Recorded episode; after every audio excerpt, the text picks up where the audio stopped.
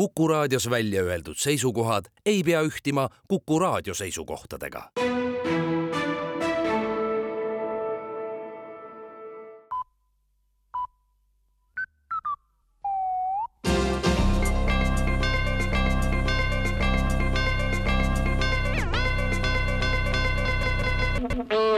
tere, uudistega eetris Rohkede Pelak.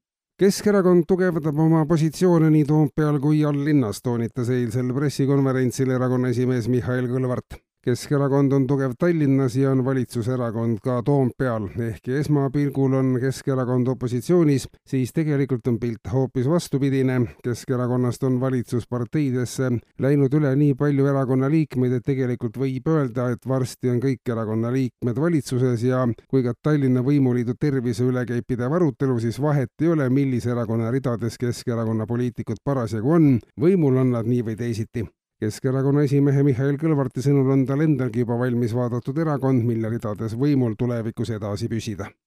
karistusregistri toimimises on alates selle aasta algusest muudatusi.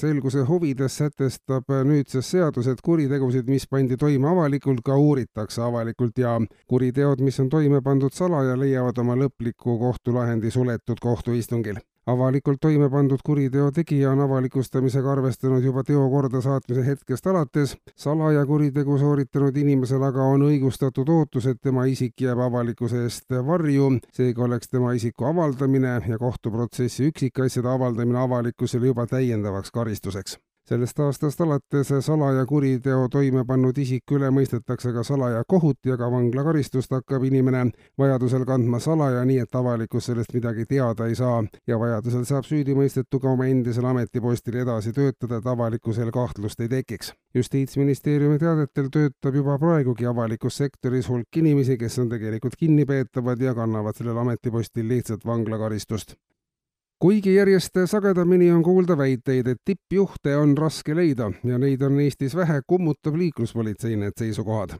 liikluses on tippjuhte arvukalt ja nende juhtimisvõimet ja tegutsemist on kõige parem jälgida tipptunni liikluses kui ka öisel ajal. tippjuhid paistavad silma sellega, et võrreldes näiteks keskastme juhiga või tavalise juhiga suudavad nad valida juhtimiseks kõikvõimalikke ja ka mittevõimalikke sõidukeid ja teelõike tippjuhtidel ei ole tegelikult tee olemasolu üldse vajalik. oma juhtimisstiiliga on nad võimelised blokeerima igasuguse juhtimise vähemalt kümnel tavajuhil, kellel pole enam võimalik juhtida ja seega ka nende tase paratamatult langeb. tippjuhid ei ole tihti ise üldse juhtimist õppinudki ja seetõttu puudub ka ülevaade, milliste õppekavade järgi õpetada tavajuhte, et nende oskused tippjuhtidele ükskord järele jõuaksid ja lõpetuseks, meteoroloogide ennustuste kohaselt kukub täna öösel Eestisse kolmkümmend neli meteoriiti. homme aga võib paljudes kohtades hakata tibutama, paiguti võib maha tulla enam kui kaks tuhat tibu ruutkilomeetrile, on jahe, kohati võib esineda anneveski.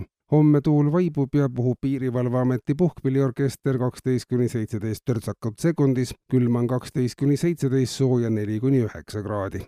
eetris olid uudised